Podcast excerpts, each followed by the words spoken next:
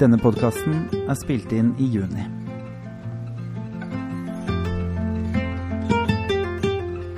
Velkommen til Raupsets-podden, en podkast av og med humanistene. Mitt navn er Tore Petterson, og i dag har jeg med meg en aktivist, journalist, en dame som eh, tør å snakke der andre tier. Om du har lyst til å vite mer om humanistene, kan du gå inn på humanistene.no. God fornøyelse.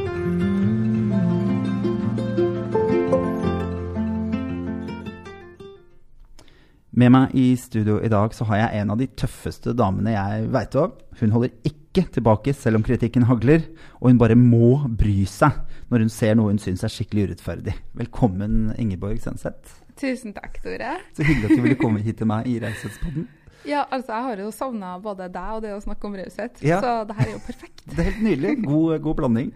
Det har jo, ja, jeg har jo ikke sett folk jeg, på, på halvannet år. Så det, det siste jeg så deg, var vel i parken. Og før det så var det vel på et show sånn for kjempelenge siden. Så det, Ja, noe sånt. mm. Men det er veldig fint at du ville komme hit da, og snakke litt om raushet, og kanskje til og med litt om humanisme, som jeg er veldig opptatt av. Men først så er jeg interessert i å vite hva er du mest opptatt av om dagen? Altså, min eh, oppmerksomhet rettes veldig, veldig fort mot det som skjer akkurat der og da, den dagen. Eh, og akkurat i dag så slo jeg opp eh, telefonen, eh, åpner meldinga og får en melding fra en som hadde vært ute på trappa og henta en avis. Han hadde henta Norge i dag, som da er en kristen avis, eh, og ser at de har på forsida typ sånn smashe ned eh, pride.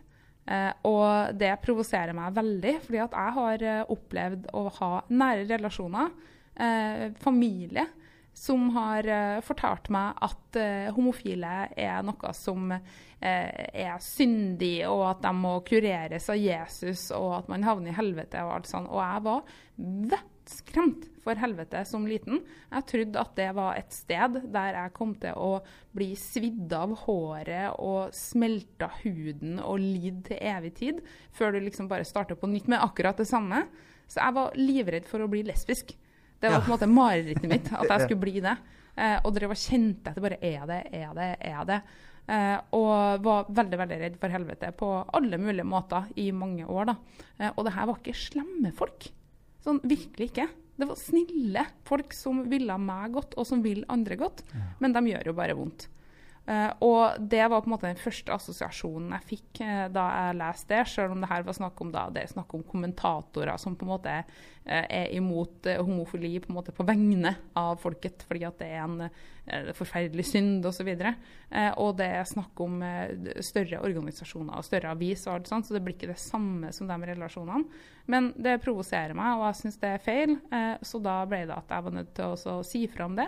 Det er ikke det at jeg sier dere er noen drittsekker, eller noe sånt, for at jeg har ikke noe trua på det å slå folk så hardt i hodet med en hammer, for at da slår de tilbake, eh, Ja. og kanskje mot noen som jeg da ikke kan beskytte. Kanskje slår de tilbake mot noen andre, kanskje gjør de ting på andres måter. Eh, jeg sier heller det at vet du hva, at nå går jeg ut og heiser flagget, og det dere gjør, det skader folk. Så jeg håper jo at en eller annen hører det, og mest av alt så håper jeg jo da at andre kristne, når jeg kom ut av skapet som ateist, ikke som lesbisk. Jeg, ble ikke det, ikke fordi jeg var redd for det, men fordi det var bare ikke i meg. Eh, av en eller annen merkelig grunn så kunne man ikke bestemme seg for å bli Nei, det. det er rart, det der. Kjempemerkelig. Ja. Men det er rart Um, at det liksom er For det, det, det menes jo at det går an den ene veien, men det er liksom ikke mulig den andre. Nei, det er sånn, jeg, jeg tenkte jeg skulle kanskje, kanskje jeg kunne meldt meg på konverteringsterapi, da. og bli terapisert inn til å bli det. Ja. Men det går da tydeligvis ikke an, men det går an andre veien. Men sånn, eh, det å bare få lagt ut det, og se hvor mange kristne som da melder seg på og sier det her er ikke sånn vi gjør det. Nei. Jeg har jo også en kjempe, kjempegod venn av meg, han burde du invitere hit forresten. Ja. Petter Dille, han er homofil og Spennende. prest. Ja, riktig. Ja, og helt superfyr. En av de viktigste personene mine å prate med. Eh, og prester er jo helt konge på den måten at de har jo så mye erfaring med de store spørsmålene i livet. Mm. Eh, og det er jo nettopp det man prøver å løse når man åpner en flaske vin. Ja, det er, det er rart med det. Det løsner litt. Mm. Um, opplever du på en måte eh, at du fordi jeg, jeg tenker du er jo i hardt vær stadig vekk. Du, du brenner for ting. Uh, og det er derfor jeg startet også med å si at du er en av de tøffeste jeg kjenner. Fordi um, det å på en måte skulle være Eller ha, ha på en måte det behovet for å ytre seg eh, hver gang man ser urett. Det må jo være litt motstand. Hvordan holder du, hvordan holder du ut, liksom? Hvordan holder du energien i gang? Jeg syns det der er litt vanskelig å prate om, fordi at um, det er jo ikke alltid at jeg heller ut. Uh, og det er ikke alltid at jeg ytrer meningene mine, fordi at jeg må sile ut. Ja. For hvis ikke har jeg ikke sjans. For legger jeg ut en ting på Twitter eller Facebook eller Instagram, så kan jeg regne med at det blir omkring ja, si alt fra 200 til 2000 eh, i innboks og diverse som eh, på godt og vondt skal si et eller annet. Eh, og det gjør jo at det blir eh, veldig mye støy. Um, det gjør at det ikke nødvendigvis eh, blir bare trusler og hets, men det er en del av bildet. Og jeg som ikke i det hele tatt har noe spesielt uh, tykk hud, uh, jeg blir alltid litt flau når folk kaller meg tøff, for jeg føler meg absolutt ikke tøff. Jeg blir lei meg, og jeg blir uh, satt ut, og jeg kan bli ganske redd, og jeg blir også ganske forbanna, for jeg syns det er dårlig gjort um, av når folk er kjipe, da. Eh, og jeg tror det er ganske viktig at vi ikke fremstiller som at det offentlige ordskiftet er sånn at hvis man sier noen ting, så må man regne med at det blir masse masse hets. For det er ikke nødvendigvis sånn. Um, men det kan komme en del, og alle dem som absolutt må si noen ting, enten litt negativt eller kjipt, må prøve å ha i bakhodet at de er ikke den eneste. Så ja, du kanskje har veldig veldig lyst til å si ifra, men sammenligne litt med et vepsebord. Da, at det går bra hvis det kommer én veps som plager deg litt i et rom. Men hvis at hele vepsebordet slippes løs, så får man panikk. Eh, og det er den følelsen jeg kan få da, når det blir altfor mange som skal si altfor mye, og særlig når det er ting som det er umulig å svare på. Nei. Eh, så um, jeg syns jo egentlig ikke at jeg er så innmari tøff, men jeg syns sakene er viktigere eh, enn meg sjøl, kan du si. Mm. Eh, så derfor så prøver jeg jo da å eh, målbære noen saker når jeg har mulighet eh, til det. Eh, og jeg føler jo også et veldig ansvar i og med at det er mange som lytter til det jeg sier, og det er mange som leser det jeg skriver, og det er mange som følger de tingene jeg legger ut. Så jeg tenker at da vil jeg i hvert fall putte inn bitte litt her og bitte litt der med verdier som jeg føler er viktig for en litt bedre verden. da. Ja. Hvis det gir mening. Ja, det gir absolutt mening. Jeg tenkte, jeg må kanskje forklare, for jeg leste Nei, jeg hørte et sitat en gang. Jeg er, egentlig ikke så glad i sitater, men samtidig elsker jeg de og sier de hele tida. Eh, mot er ikke fravær av frykt, men eh, det at du fortsetter selv om du er redd. Mm. Og det er det jeg syns er veldig tøft, da. Det å, det å det kunne var et fint sitat. for, ja, er det ikke det? Det å kunne klare å fortsette selv om man er redd, selv om man kjenner at hele verden er mot seg. Mm. Eh, fordi det er jo akkurat de der eh, timene eller minuttene eh, hvor du får mye hets, de kan kjennes ensomme. Um, Eller har du ikke den? jeg vet ikke. Uh, ensomhet jeg, jeg er jo ikke så veldig redd kanskje for ensomhet. Uh, Mm. Fordi at ofte så trenger jeg jo nesten å være alene for å klare å håndtere det at det er så veldig mange stemmer. Uh, og har egentlig oppsøkt det litt. Um, det har endra seg veldig siste året, da jeg plutselig har skjønt at det går an å være to. For du har fått kjæreste? Ja, men nok om det. jeg, vet, jeg vet veldig godt at vi har hatt et par samtaler der jeg har kunngjort høyt og tydelig at jeg er topp fornøyd med å være singel, og det har jeg tenkt å være hele mitt liv. Skal være alene. Eh, også fordi at jeg var veldig redd for nære relasjoner. Eh, helst ikke ville ha noen så tett innpå meg. Følte veldig behov for å være oftest mulig alene fordi at det nettopp er så vanvittig mye som skjer hele tida, og så mange som krever noen ting av meg. Hvis du ikke, hvis du ikke er på TV, er du på radio, eller så er det aviser, eller så er det ting i sosiale medier. Det er alltid et eller annet. Og jeg tenker bare den lille alenetida jeg har, det må jeg bare verne om. Um, og så dukka det opp et menneske som bare Ja, fuck alt jeg har sagt før. Men Så det, ja. Men dermed Altså, den hetsen og sånt, det hjelper jo veldig å ha noen du kan spare litt med, som minner deg litt på hvem du er egentlig. Mm. Fordi at når du blir fortalt uh, det- hvor dårlig du er, eller hvor stygg du er, eller hvor verdiløs du er, eller hvor dumme ting du sier, så kan du komme i skade for å tro litt på det. Uh, jeg gjør i hvert fall det, og jeg blir veldig i tvil om at, Tar jeg feil? Har jeg sagt noe dumt? Uh, burde jeg holde litt mer kjeft? Eh, ofte så er det jo ting de sier som jeg har tenkt sjøl allerede. Ja. Hvis noen kaller meg dum, så kan jeg si du, jeg har kalt meg sjøl dum fem ganger i dag. Du trenger ikke å si det, faktisk. Eh, og Man da er er kanskje det- enda verre dom, dommer selv da, enn det andre Ja, klarer. som regel. Det er veldig få i kommentarfeltene som klarer å overgå meg sjøl. Jeg er jo en ganske god uh, sjølkritiker fra før. Um, men da er det ganske lurt å bli minna på uh, positive ting av andre, og det syns jeg ser mer og mer av. Eh, hovedtyngden i innbokser og sånn, det er jo av folk som bare sånn Hei, hei, jeg ville bare si at uh, dattera mi fikk vaksine i dag pga. en kommentar du skrev for tre år siden. Ja. Og folk som sier at hei, hei, jeg sa fra til naboen min i dag at det ikke er greit at eh, de eh, står og kjefter på hunden sin. Er sånn helt sånne Ja, rare ja. ting, ikke sant? Så det er sånn, det at folk sier fra om at det du har gjort, har hatt en eller annen effekt, det er jo det som bør og må telle, da. Eh, og også den der nære relasjonen som gir deg en klem og sier bare du, faen, du gjør en bra jobb. Sånne ting har jo alt å si. Mm. Er du like tøff face to face som du er uh, skriftlig? Jeg vet ikke hvorfor du spør, for det vet jeg at jeg ikke er. oh, ja, nei, jeg var ikke Mega konfliktsky. Ja. Um, jeg hater å komme i uenighet med folk og Mm. diskusjoner med folk. Eh, og syns det er helt forferdelig hvis, jeg, altså, hvis jeg står i veien for noen, og de sier 'kan du passe deg', så jeg bare 'unnskyld, unnskyld, unnskyld det var ikke meninga'. Så jeg trives jo best med å skrive ting eller å være i debatter, for at da handler det om en sak. eh, og ikke liksom om person. Og jeg syns det er fryktelig ubehagelig å si til noen at eh, du er helt uenig med det du gjør. Det syns jeg ikke er kult i det hele tatt. Men det er jo, det er jo helt greit. Altså, det å ha meninger det er, jo, det, er jo, det er jo, Hele poenget med det er jo at det skal ha en lav verdi å ha det. Man skal jo ikke ha meninger bare fordi det er kult å ha meninger. Eh, Da kan man heller gå litt i seg sjøl og tenke hvorfor skal jeg drive og si noen ting hvis det er bare for å få oppmerksomhet eller noe sånt. ja. Men det at det koster å mene, det er helt greit. Fordi at ting som har verdi, det koster. ja.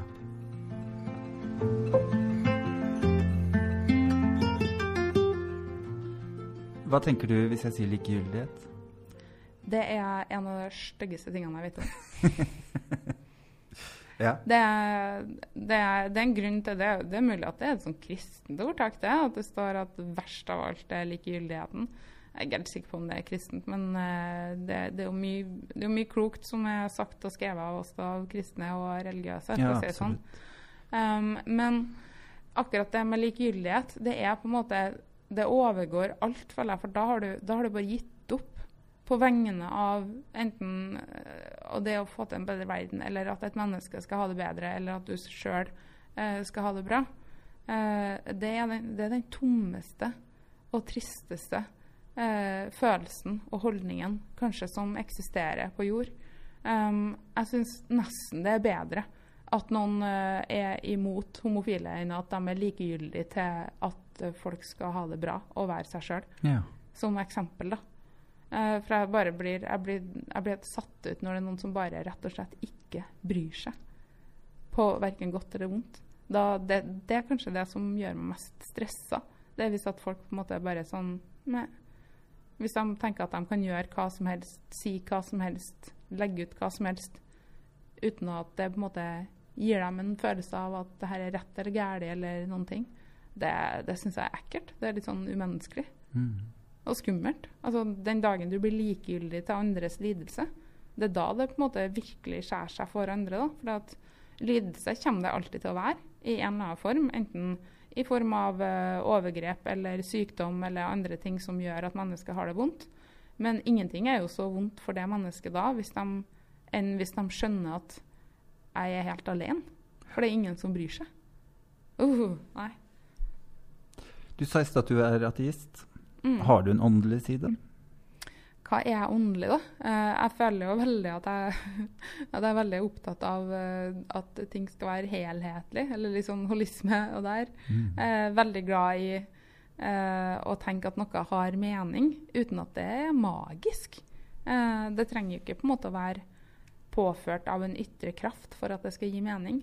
Eh, ekstremt glad i historie og evolusjon og natur. Og se bare hva som har skjedd opp gjennom de millionene av årene. Og da blir jeg helt sånn Jeg kan bli litt sånn Litt som å se lyset, da. Når du innser liksom at eh, en gjelle på en fisk for mange, mange, mange millioner år siden sitter igjen som et lite hull ved siden av øret på et menneske. Ja. Det er jo, det er jo helt vilt. Mm. Det er sånn som kan få meg til å føle meg religiøs da, på, på, en på en sånn naturmåte.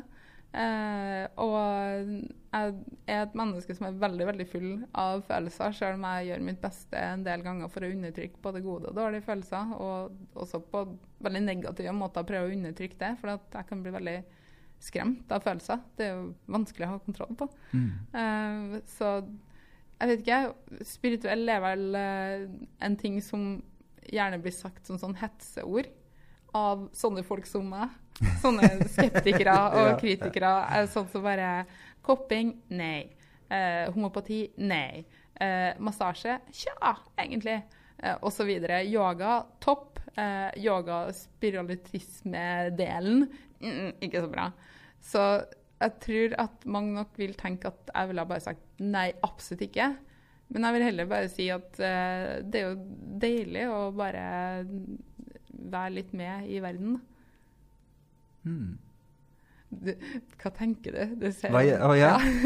Nei, jeg Siden hun nikker bare mm. Ja, nei, jeg, jeg, jeg syns det er fint.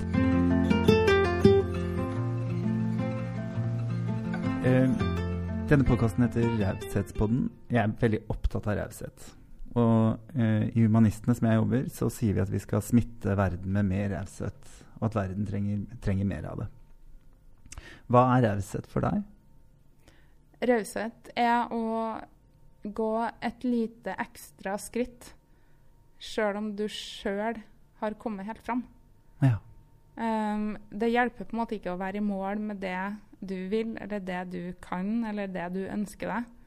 Uh, det gir litt sånn tomhetsfølelse for meg, i hvert fall. Men det å ta ett ekstra skritt til på vegne av uh, noen andre enn deg sjøl, som på en måte ikke Det gagner deg ikke, men det gjør deg jo gladere likevel ja. å gjøre det. Uh, det håper jeg at er raushet. Og da kan det skrittet være f.eks. at du lukker igjen munnen et par sekunder og bruker ørene og hører på det et menneske sier, for å prøve å forstå det mennesket litt bedre, sjøl om Mm. dere kanskje er helt uenige. Um, det at du prøver å åpne opp for at du sjøl tar feil, og det å høre på den andre, det er også en form for raushet. Um, det å gi ting eh, kan hende at mange tenker på som raushet at du på en måte gir et overskudd av lønna di, eller sånn, sånn som jeg har. Jeg har alltid en, en viss andel av både inntekter og lønn som går til veldedige formål. Eh, og det tenker jeg på en måte ikke som raushet. Det handler mer om bare å ha muligheten til det. Men jeg føler meg mer som et raust menneske hvis jeg klarer å holde igjen på det som var min oppfatning, og lytte litt mer til den andre. Så det er ikke sikkert at vi blir enige, men da har jeg i hvert fall eh, prøvd da, å ta det skrittet sammen med den personen. Så ja. Jeg tror det er kanskje det jeg tenker mest på når jeg hører ordet raushet.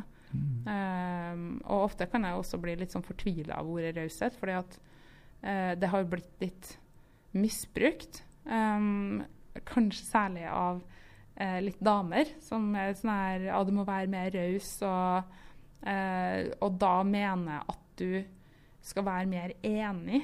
Um, Ja, ikke sant. du Du får den liksom backfired, på en måte? ja, litt sånn eh, Ja, vi damer skal heie på hverandre, at det er raushet. Eh, og da blir jeg litt sånn Men hvorfor det? Det er jo like raust å være uenig, eh, bare man er det på en anstendig måte og på en eh, saklig måte. Eh, det har vært litt sånn Ja, det er tid for raushet, altså at du skal bare hei på alle andre på grunnlag av egentlig ingenting. På grunnlag kanskje av kjønn, eller på grunnlag av en klubb, eller noe sånt. Eh, det syns jeg er en rar form for uh, raushet. Eh, jeg syns det er viktig at man eh, tenker mer på det som egenskaper enn som det å gå i flokk. da. Det er en grunn til at vi har to ører og bare én munn, hørte jeg en Mm. gang. Jeg vet ikke om den ble sagt til meg. Den har vi alle sammen hørt på et tidspunkt. Og jeg må høre den ganske ofte, for jeg kan glemme litt det.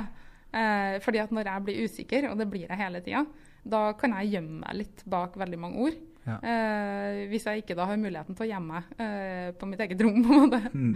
Da blir det at jeg sitter og, og prater og, og glemmer litt og lytter. For det er jo mye mer krevende å, å lytte enn å snakke. Ja, det er liksom en muskel som må trenes, opplever jeg. Mm. Mm. Og så er det veldig stor forskjell på å lytte og høre. Ja. Eh, det å bare sitte og høre på at andre prater, eh, er noe helt annet enn å faktisk lytte. For da prøver du å merke deg hva det er de sier, eh, og ikke la det bli for farga av den oppfatninga du hadde, enten av dem eller det de skal si, eller hvem de er fra før. Mm. Og det er krevende. Ja, det er, ja, det er krevende. Jeg vet at du sikkert ikke vil si deg enig, derfor så stiller jeg det ikke som et spørsmål, men jeg sier jeg opplever deg som et raust menneske. Um, og da, uh, litt som vi snakket om i stad òg, at den som tar på en måte ansvar eller tar vare på, trenger også noen som tar vare på de. Da. Er du flink til å ta vare på deg sjøl? Er du like raus overfor deg selv? Der har jeg muligens en vei å gå. Ja. Um, det er jo ikke noe å legge skjul på at jeg har slitt i ganske mange år med å være ganske hard mot meg sjøl. Mm. Um, ikke bare sånn mentalt, skulle du si, men kroppslig. da.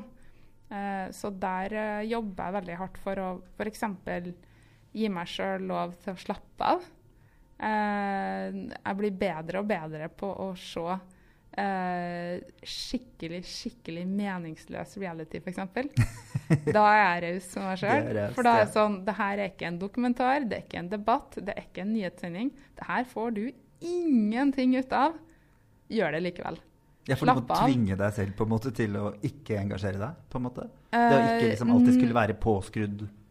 Um, jeg må tvinge meg sjøl til å ikke være det, fordi at hvis man er på hele tida, eh, så er man egentlig litt av hele tida. Mm. For da er det en sånn avkobling av meg sjøl. At jeg gjemmer den jeg er, bak eh, det jeg gjør. Eh, at jeg da skal liksom ut og eh, fikse alle andre og alt annet. For da slipper jeg å fikse meg sjøl. Ja. Eh, samtidig så er jo ikke de to tingene helt avkobla heller. For at det er en del av meg eh, å være engasjert. Så selvfølgelig skal jeg kunne være det. Uh, men på et eller annet tidspunkt så må man også lade opp litt uh, sjøl, da. Uh, så jeg føler jeg blir flinkere til det, uh, og får også litt hjelp til det.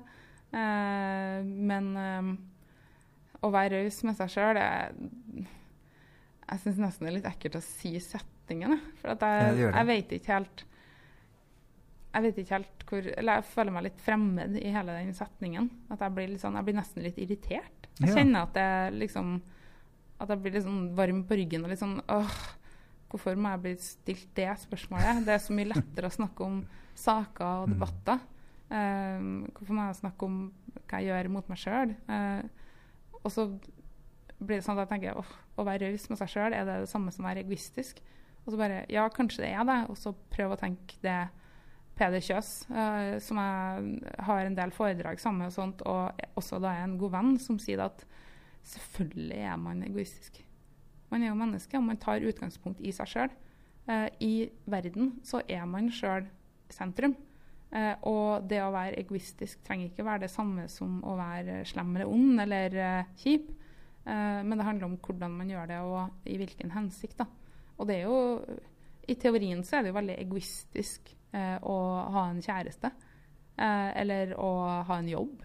Eh, eller å eh, ha en Instagram-konto. Det er sånn, Ting er egoistisk, men ikke nødvendigvis negativt. da. Uh, og jeg trenger nok å jobbe litt med å tro også på det Peder sier der, da.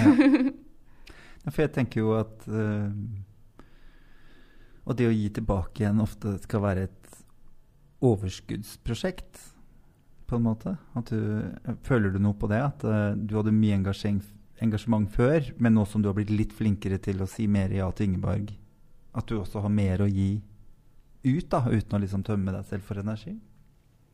Uh, jeg har ikke gjort noe troverdig måling på det, så jeg Nei, vet nei. ikke helt. Kjenner deg ikke? Eh, nei, det går i bølgedaler uansett, da. Uh, og nå syns jeg det har vært vanskeligere under korona, fordi at hjernen bare smelter liksom av å være i en sånn tilstand. Jeg har følt meg, jeg har følt meg i perioder litt sånn dum, for at jeg bare husker ikke liksom alt jeg skal gjøre, og er litt sånn, tenker litt treigt og er ikke like kreativ, er ikke like effektiv alt sånn. Uh, og så prater jeg litt om det i en Insta-story, og det viser seg at det er så mange som har opplevd å ha en sånn koronahjerne. da. At du bare er litt Du, du er treigere, mindre kreativ. Uh, jeg klarer ikke helt å liksom finne samme engasjementet og alt sånn. Uh, og at man kanskje har vært litt i en sånn dvale. Så det behøver jo ikke å være meg som menneske. Det kan rett og slett ha vært det at vi har vært i en helt ekstraordinær situasjon nå. Så jeg tror at ting går i bølgedaler. Og også så tenker jeg at det er veldig naturlig at ting blir annerledes eh, når man er i en relasjon. Da. Og det er jo bra at man ikke er akkurat likedan. Det hadde jo vært veldig dumt. Ja. um, jeg um, vet jo at du kom ut med en bok, uh, 'Anorektisk', Mm. hvor du deler ganske Det er jo ganske åpent. Um, og der snakker du litt om Jeg hadde litt lyst til å snakke med deg om det. F- Spesielt opp nå mot den pandemien som har vært. da. Man mm. sier liksom du må snakke med noen, og du må Det er jo bare å spørre om hjelp. Mm. Mm. Mm. Kommentar? Det er ikke bare å spørre om hjelp. Eh, for det første så skal en person eh, som sliter eh, Jeg slet jo veldig med selvskading og spiseforstyrrelser fra jeg gikk på barneskolen. Jeg hadde ikke noe språk for det. Eh, og jeg ville ikke be om hjelp. fordi at hvis at jeg ba om hjelp, så ville det være å belaste andre. Og det var jo litt av grunnen til at jeg ble syk, var jo at jeg ikke ville belaste andre. Ja. Eh, og jeg ville, det var ikke et rop om hjelp, det var tvert imot en slags form for absurd selvhjelp. Eh, jeg ville bare at andre ikke skulle vite at jeg var syk. Eh, jeg hadde ikke noen mulighet til å si liksom, hva som skjedde med meg sjøl, det ville jeg bare holde for meg sjøl. Så der er jo første trinn bare at man må eh, vite at man både trenger hjelp og kan få hjelp hvis man skal be om hjelp. Og for det andre så er det ikke alltid det er hjelp å få. Det er så fortvilende å gå gjennom innboksen der det er folk som er enten gutter eller jenter eller foreldre eller venner eller behandlere eller sykepleiere eller lærere som sier det at nå har eh, X person eller meg sjøl eh, bedt om hjelp og fikk det svar du er ikke syk nok, eller fikk det svar du er for syk, eller fikk det svar det er ikke plass, osv. Eh, hvis man skal få folk til å be om hjelp, så må hjelpa eksistere. Ja. Og det er det ikke alltid at den gjør. Eh, og det snakkes stadig vekk om at det satses og satses og satses.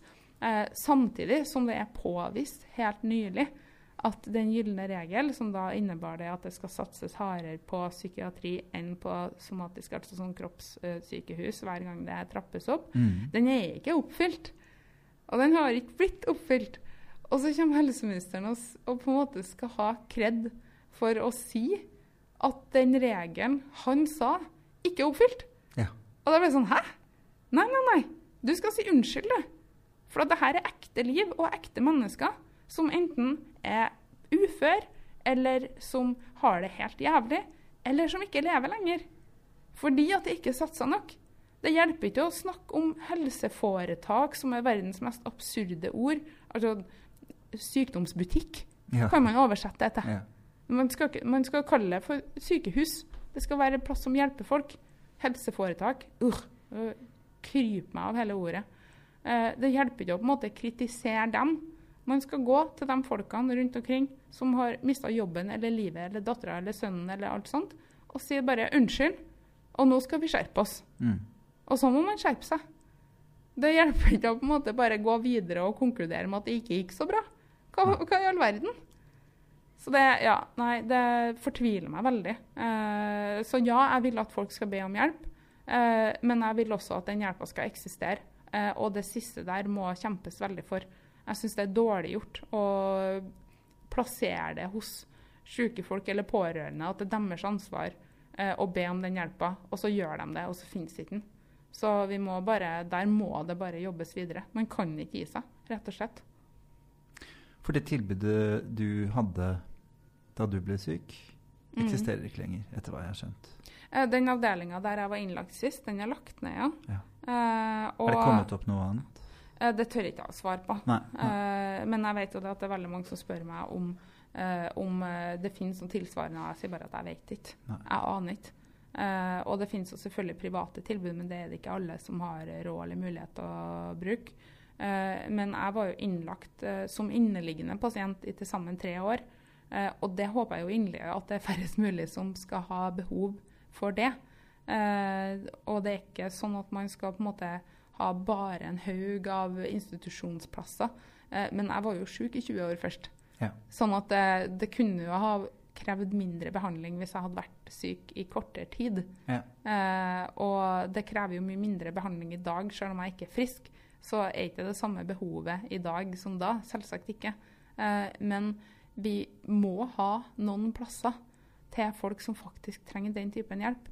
Fordi at når man har en sykdom som kommer av en relasjonsskade, så må det også repareres med gode relasjoner til en behandler eller andre.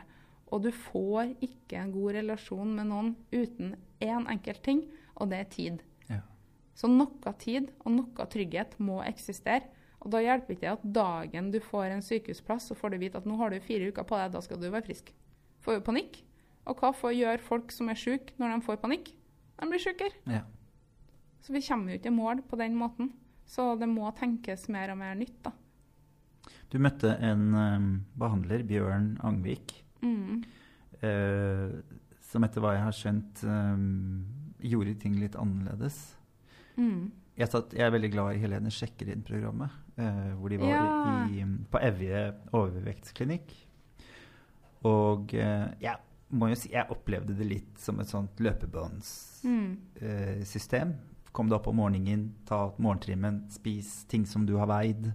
Ehm, og så kommer det litt sånn fram på slutten eh, ei som har lagt seg inn selv, som hadde hatt en psykiatrisk sykepleier som hadde kommet og spurt men hvordan har du det. Mm. Og det var litt det du opplevde også med Bjørn Angvik.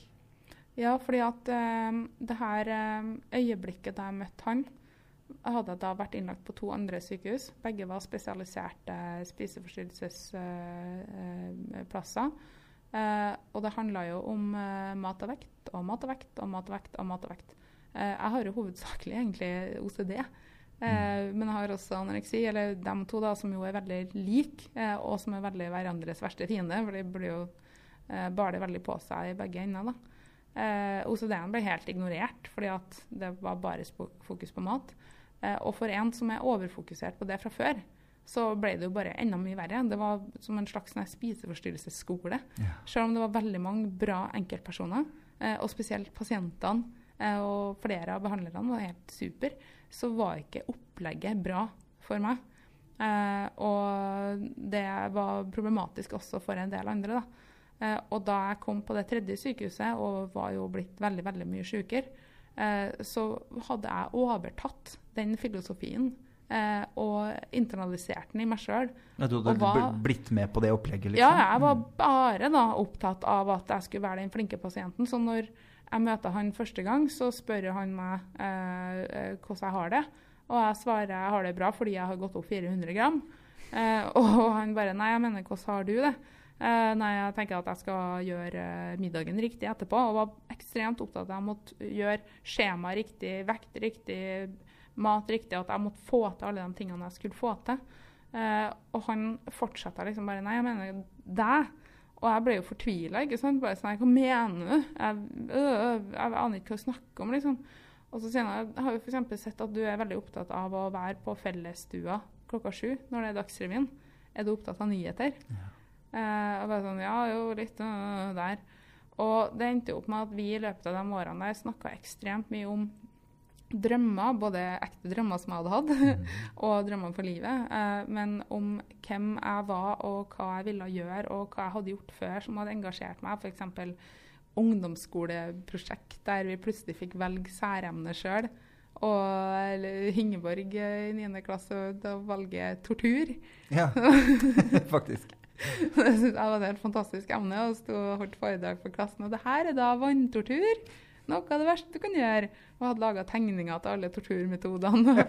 og forklart hvorfor, ja, forklart hvorfor, Amnesty International ble starta, at de hadde skåla for fred og da blitt fengsla, og hva en samvittighetsfange var. og bare sånn, det her må kjempes imot, og sånn.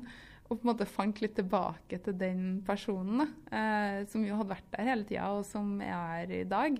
Eh, og som var da bare blitt gjemt bak masse tall og vekt og, og mat. Eh, og så bare få hjelp av han til å ha tillit til at det går an å være seg sjøl, sjøl om man har veldig mye lyter og uvaner og problemer, og at man ikke er frisk, men at man kan da gjøre masse friske ting.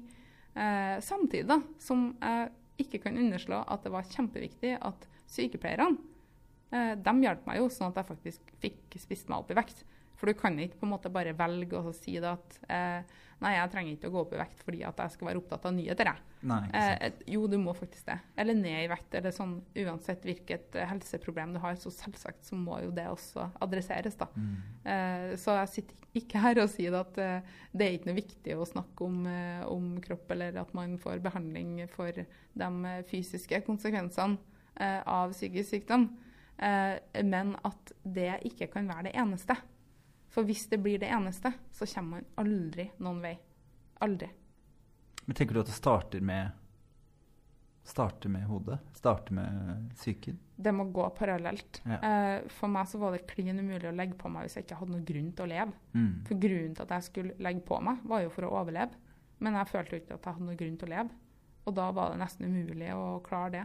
Så for meg så var jo spiseforstyrrelsen et uh, seigt og sakte selvmord. Uh, og jeg prøvde jo også å ta livet mitt, men det var jeg for deprimert og slapp til å gjøre. Mm. um, men uh, det var veldig overforenkling. mye lengre historie enn det, selvsagt. Ja, det skjønner jeg. Uh, men man kan jo ikke gå inn i hver eneste ting, og man skal være litt forsiktig når det, man ikke vet hvem som lytter. Mm. men det viktige for meg å, å gjøre var for det første, og det er også å prøve å holde ut liksom, den ekstra dagen og den ekstra dagen. Men det å ta en del vare på kropp fordi at jeg hadde lyst til å ta vare på hodet. Fordi at hodet mitt kunne være til nytte for noen andre mennesker. Ja. Så for meg så var det helt alfa og omega å forstå det at, du, at, jeg kan faktisk ha et eller annet bidrag. Uh, og på slutten av innleggelsen uh, så hendte jo uh, 22.07. Oh, ja. ja. Og da fikk jeg for alvor se det at den plattformen jeg hadde bygd meg opp over flere år, som da var en blogg som egentlig handla om psykiatri, eh, kunne plutselig brukes til noe som virkelig betyr noe for andre. Eh, ja, det betyr masse med liksom, åpenhet rundt sykdom og motivasjon for andre der, men det å ha et stort publikum fikk jeg da veldig følelsen av at nå må denne bloggen brukes til noe annet. Eh, og etter hvert så kunne da stemmen min som helhet brukes til noe annet. Da. Og det var jo fordi at jeg hadde blitt en del friskere. Mm. Um, var det liksom her det starta Fordi du er egentlig eh, sykepleier. Ja, jeg er utdanna sykepleier. Du kan jo litt om helse også gjennom det, vil jeg tro. Men var det liksom her eh, skrive, skrivelysten kom, og det at du endte opp som journalist? For det er jo journalist vi kjenner deg som i dag, mm. og en aktiv eh, Facebook-aktivist, vil jeg også si. Jeg hørte deg si at er, du mener så masse at det holder ikke bare det du gjør i Aftenposten. Eh, men, så du skriver litt ved siden av også på Facebook og mener om ting? Litt, ja. litt, litt grann. Men uh, det, jeg tror det bare Jeg tror egentlig at jeg ikke er så uvanlig, altså. Fordi jeg føler at jeg har vært der hele tida. Uh, og jeg føler at det er der til nesten alle unger.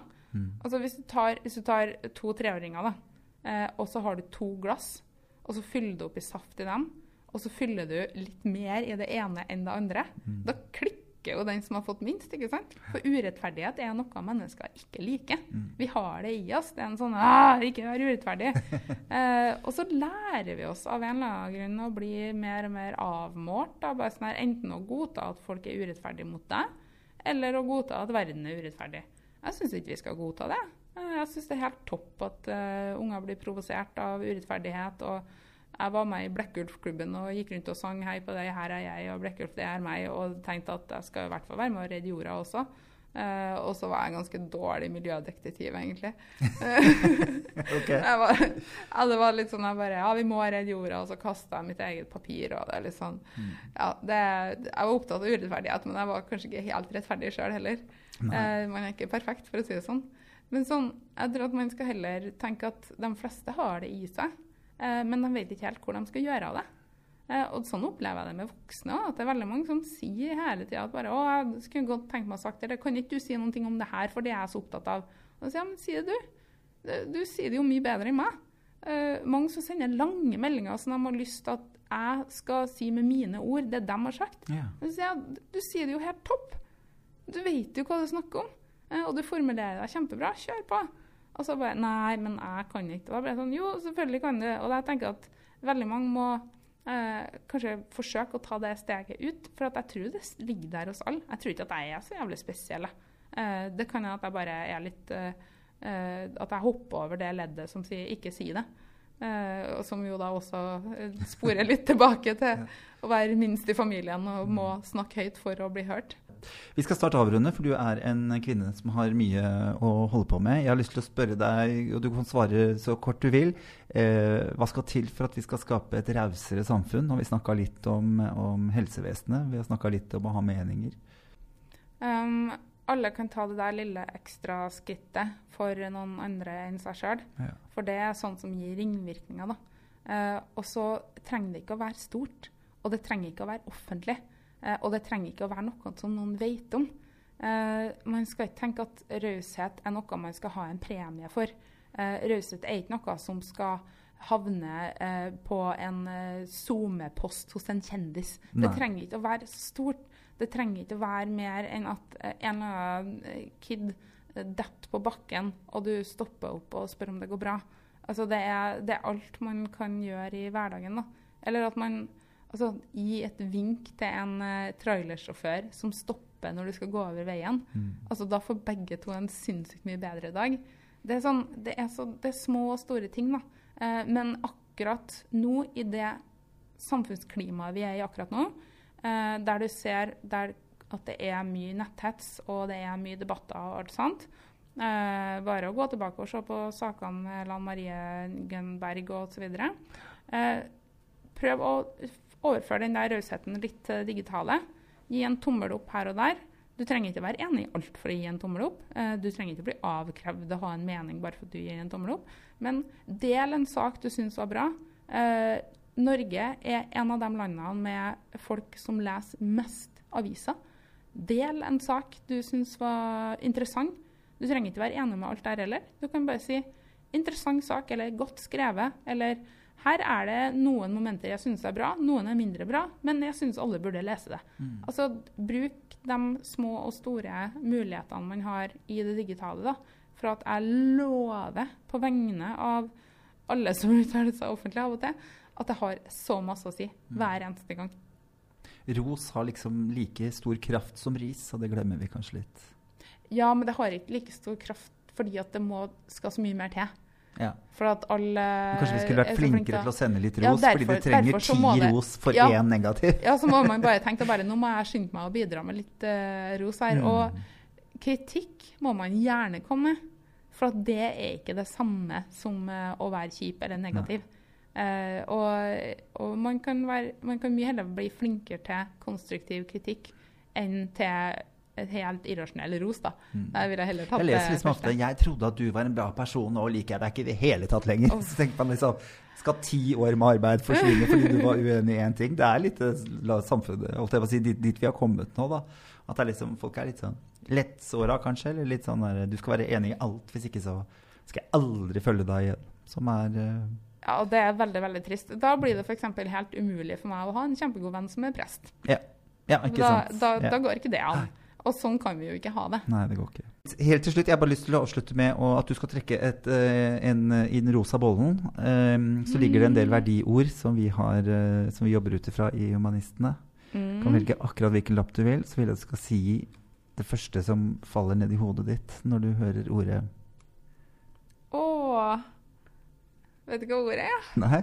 Medmenneskelighet. Med, oi, det var fint! Det var, det var topp. Stikkord. Ja. Har du skrevet deg på alle sammen? sånn at du Nei. kan legge ut noe? Nei, det er forskjellige ting på alle sammen. Ja, det var vanvittig. Hva er det første som detter ned i hodet mitt?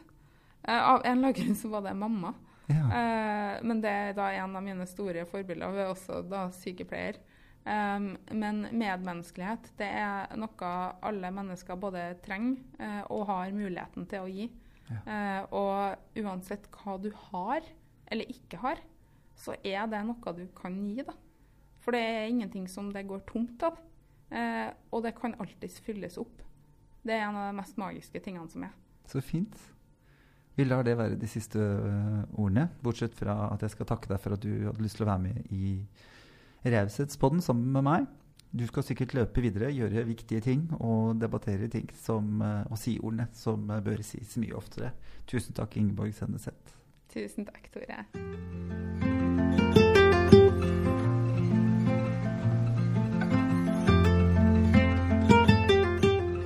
Du har hørt på Raushetspodden, laget av og med humanistene. Mitt navn er Tore Petterson, og vil du vite mer om humanistene, kan du gå inn på humanistene.no. Takk for at du hørte på.